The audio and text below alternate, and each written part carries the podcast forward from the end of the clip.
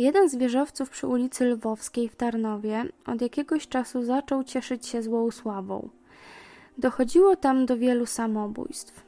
To właśnie tam razem z synem Amadeuszem mieszkała 30-letnia Elżbieta. Do Tarnowa przyjechała w 1998 roku, zaraz po tym jak rozpadło się jej małżeństwo. Wcześniej mieszkała na Śląsku z mężem, który dużo pił. Poza tym pojawiła się też inna kobieta, dlatego też wszystko się rozsypało. Ich syn chodził do piątej klasy podstawówki. Był oczkiem w głowie mamy. Jedni opisywali go jako spokojnego chłopaka, nie sprawiającego problemów wychowawczych. Natomiast okoliczności tego, co się później wydarzyło, są odrobinę sprzeczne z opinią innych, dlatego że 5 października 2000 roku, koło godziny 23, Elżbieta była jeszcze w pracy na stoisku z kwiatami w jednym z marketów, a chłopak o tak późnej porze przesiadywał jeszcze na dworze.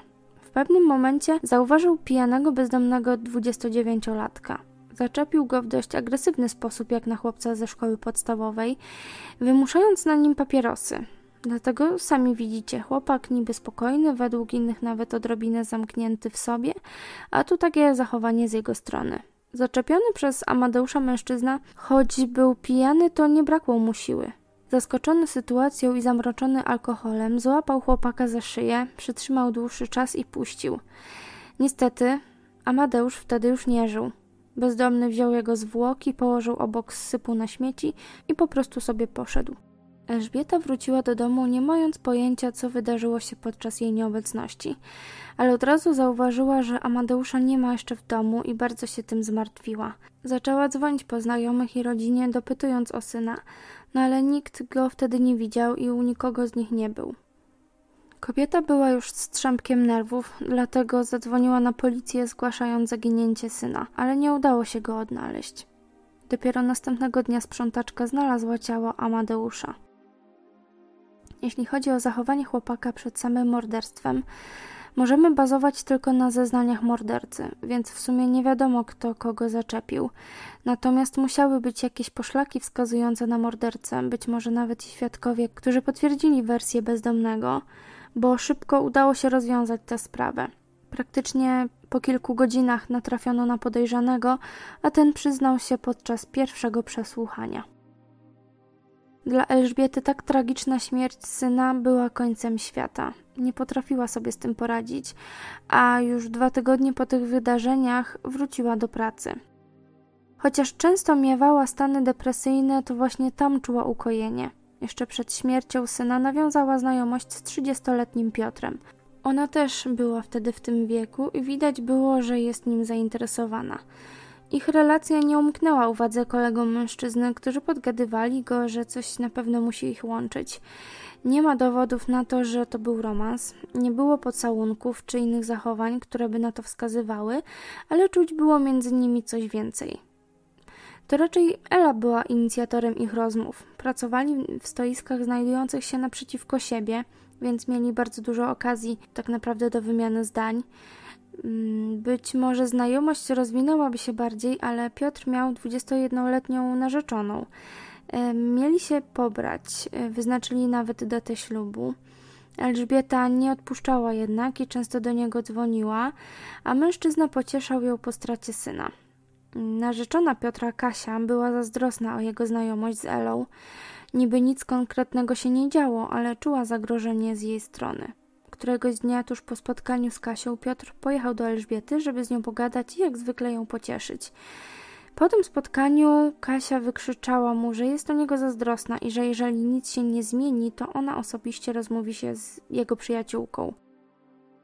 Jednego dnia nawet śledziła Piotra, jak do niej szedł, jednak zauważył ją, podszedł do niej, a ona powiedziała, że weźmie sprawy w swoje ręce. Tak też było, bo 3 listopada 2000 roku była w nadzwyczaj dobrym humorze. Poszła do pracy, ale męczyła ją myśl o znajomości Piotra i Eli, i to właśnie tego dnia chciała raz na zawsze rozprawić się z tą sprawą. Czemu wybrała tylko tak późną porę, bo skończyła pracę po 18, a u Elżbiety pojawiła się dopiero około godziny 23. I właśnie wtedy o tej godzinie mm, sąsiedzi słyszeli różne odgłosy podobne do takich jak y, przesuwanie mebli czy jakieś stukania. Wybudziło to niektórych sąsiadów, co więcej słyszeli też jakąś kobietę, która wzywała pomocy, ale nikt nie drążył tematu i nie poszedł zobaczyć, co się dzieje. Katarzyna nie wróciła do domu. Jej bliscy myśleli, że została u Piotra, ale tak niestety nie było. Katarzyna już wtedy nie żyła, a jej ciało było cały czas w mieszkaniu Eli. Jej rodzina zgłosiła zaginięcie na policję. Szukali jej też na własną rękę, ale bez żadnych pozytywnych rezultatów. 4 listopada, czyli dzień po morderstwie, Ela poszła normalnie do pracy, a dzień później na imprezę urodzinową. Była wtedy całkiem wyluzowana. Nie dawała po sobie poznać, że kogoś zamordowała. Dziwną krew zachowała też po przyjściu do domu, bo okazało się, że sąsiad z góry zalał jej mieszkanie. Poszła po niego, żeby zobaczył, co się stało.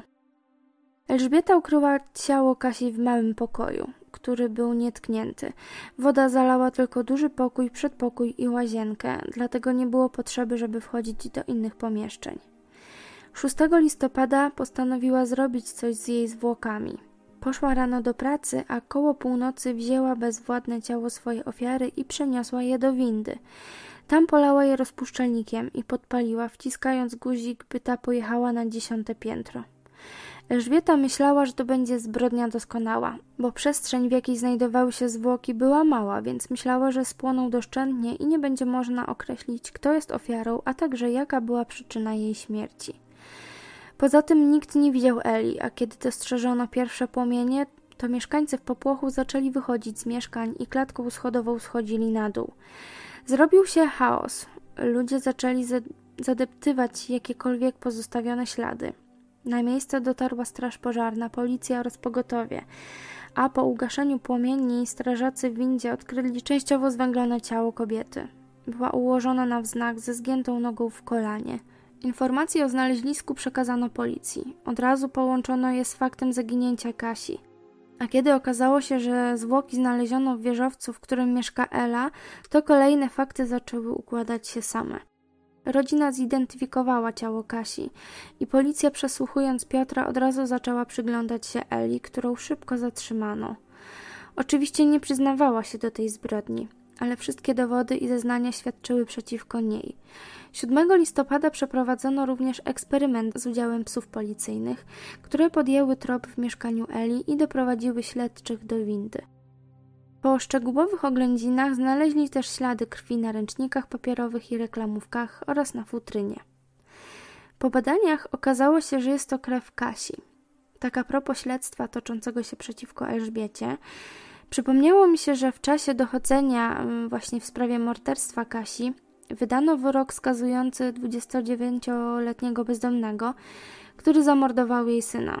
Mm, został skazany na 15 lat więzienia, ale po wniesionych apelacjach sąd w Krakowie zmniejszył ten wyrok do 12 lat. Tak naprawdę sprawa zabójstwa Amadeusza nie do końca ucichła w mediach, a już mówiło się o tym, że jego matka zamordowała niewinną dwudziestolatkę. Ela oczywiście do niczego się nie przyznawała. Czasami mówiła też, że zrobił to ktoś inny, a później, że ona nic na ten temat nie wie. Sąd skazał ją początkowo na 15 lat więzienia, ale później zmniejszono jej wyrok do 11 lat. Na początku odsiadki w Nisku poznała Monikę, która miała zaraz opuścić zakład karny, jednak kilka miesięcy spędziły w jednej celi i zdążyły się zaprzyjaźnić. Utrzymywały ze sobą kontakt, nawet kiedy Monika wyszła poza mury więzienne. Pisały do siebie wiele listów. Ela też często skarżyła się w nich, że czuje się coraz gorzej, więc y, lekarz więzienny zlecił niej badania, gdzie stwierdzono u niej nieżyt żołądka, anemię i cystę na nerce. Od 2004 roku ze względu na swój stan zdrowia składała wnioski o przerwę w odbywaniu kary, e, ale za każdym razem jej odmawiano. Dopiero w 2006 roku, e, kiedy miała 37 lat, dopięła swego i wyszła na przepustkę. Pomogła jej w tym Monika, która zwróciła się do siostry Eli i razem wynajęły adwokata. Na czas przerwy w odbywaniu w karze, karze Ela miała zamieszkać u swojej przyjaciółki, która wynajmowała mieszkanie. Ze względu na różne choroby nie pracowała. Czas leciał, a on chodziła od lekarza do lekarza. Kilka razy była też w szpitalu. W międzyczasie przeprowadziły się w inne miejsce. Monika niestety zgubiła klucz do poprzedniego mieszkania, dlatego też nie miała go jak oddać właścicielowi. Jak się później okazało, ten klucz zabrała Ela. Nie wiem, czy już wtedy miała jakieś plany, ale zamki do tamtego mieszkania nie zostały zmienione, co okazało się później kluczową kwestią. 31 marca 2006 roku Monika, wychodząc do pracy, widziała Elę, która robiła sobie śniadanie. Jej zachowanie nie wzbudziło żadnego podejrzenia. W życiu by nie pomyślała, że ten dzień będzie tragiczny w skutkach. Koło 12.30 Elżbieta spotkała ośmioletnią Madzie. Dziewczynka uczyła się w pierwszej klasie szkoły podstawowej, była nad wyraz rozwinięta i bardzo inteligentna. Była otwarta też na nowe znajomości, często rozmawiała z nauczycielami, którzy bardzo ją lubili. Zwykle ze szkoły odbierała ją mama, jednak tamtego dnia, za jej zgodą, Magda miała wrócić do domu sama. Kiedy wyszła za bramę, zaczepiła ją Elżbieta, która nie do końca wiadomo jak, ale namówiła dziewczynkę, by poszła z nią. Ela zabrała ją do poprzedniego mieszkania na osiedlu Westerplatte, które wynajmowała wcześniej Monika. Miała do niego właśnie ten zabrany klucz i jak wspominałam, zamki nie zostały zmienione i dlatego weszła bez problemu. Tam udusiła dziewczynkę. Po wszystkim wyszła na klatkę schodową i zauważyła wózek. Wzięła go, by przetransportować ciało dziewczynki. Włożyła je, ale Madzia nie zmieściła się do niego cała. Jej nogi wystawały i bezwiednie ocierały się o chodnik. Resztę ciała przykryła narzutą. Wyszła tak na zewnątrz, chciała przemknąć niezauważalnie, ale jej dziwne zachowanie przykuło uwagę chłopców grających w koszykówkę na boisku obok bloku, z którego wyszła. Zauważyli, że kobieta wiezie coś ciężkiego, kiedy nagle zwrócili uwagę na wystające z wózka nogi. Widząc spojrzenia chłopaków, rzuciła tylko szybkie: Idę z chorą córką do lekarza. No więc zdziwiło ich y, trochę w jakim kierunku zmierzała, dlatego że tam, gdzie szła, nie ma żadnych gabinetów. Był tylko parking koło galerii handlowej oraz pola ciągnące się przy tym parkingu. Po tym stwierdzeniu chłopcy od razu ruszyli w kierunku Eli. Jeden z nich chwycił ją za rękę, ale ona się wyrwała. Tym czasie drugi zerwał narzutę i zobaczył siną twarz dziecka, która miała otwarte oczy oraz usta. Wezwali policję, która pojawiła się tam koło godziny 22. Próbowali ją obezwładnić, by ją przeszukać, ale Ela cały czas się broniła i nie pozwalała się dotknąć.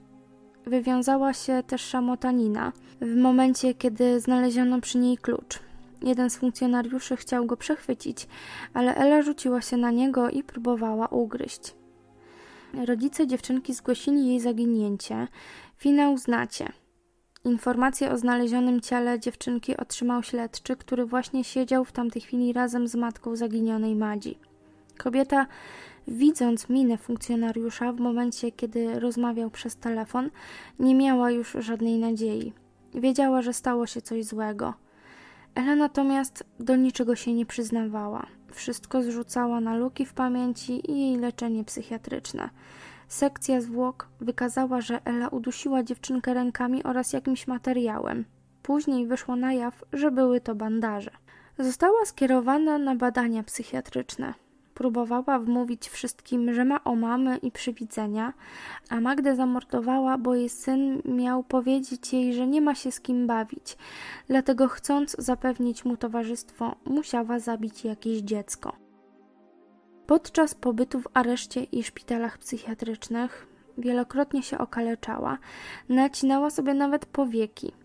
Zdarzało się to zazwyczaj wtedy, kiedy zbliżały się terminy rozpraw sądowych. W ten sposób unikała uczestnictwa w nich. To była jedna z przesłanek mówiąca o tym, że kobieta wie, co robi i tym sposobem próbuje wszystko przedłużyć. Jednak lekarze wydali opinię, że Elżbieta ma ograniczoną poczytalność przejawia nawet symptomy choroby psychicznej i nie do końca zdaje sobie sprawę z tego, co robi. Trafiła mimo wszystko do aresztu, gdzie podczas przesłuchań potrafiła kilka godzin wpatrywać się w jeden punkt i do nikogo się nie odzywać.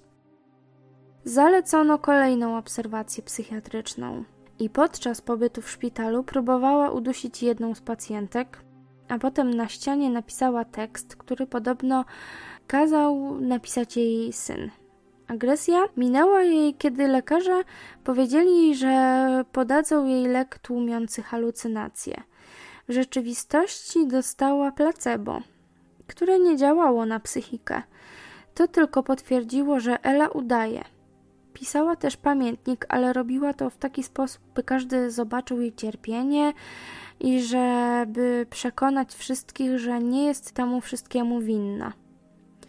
Wyznała w nim, że ciało Madzi chciała zawieźć na cmentarz, e, żeby położyć je obok grobu swojego syna.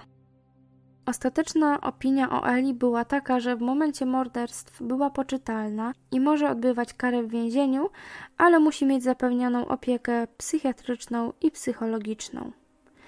30 czerwca 2009 roku została skazana na dożywocie. W 2019 roku wystąpiła z wnioskiem o wznowienie postępowania. Chciała wyjść z więzienia, ale sąd odrzucił jej wniosek. Nie poddała się i w marcu 2020 roku napisała kolejny wniosek, który ponownie został odrzucony. W 2021 roku posunęła się jeszcze dalej, bo tym razem złożyła prośbę o ułaskawienie. Kochani, na dziś to wszystko. Dziękuję za wysłuchanie tak dramatycznej historii. Do usłyszenia w kolejnym odcinku.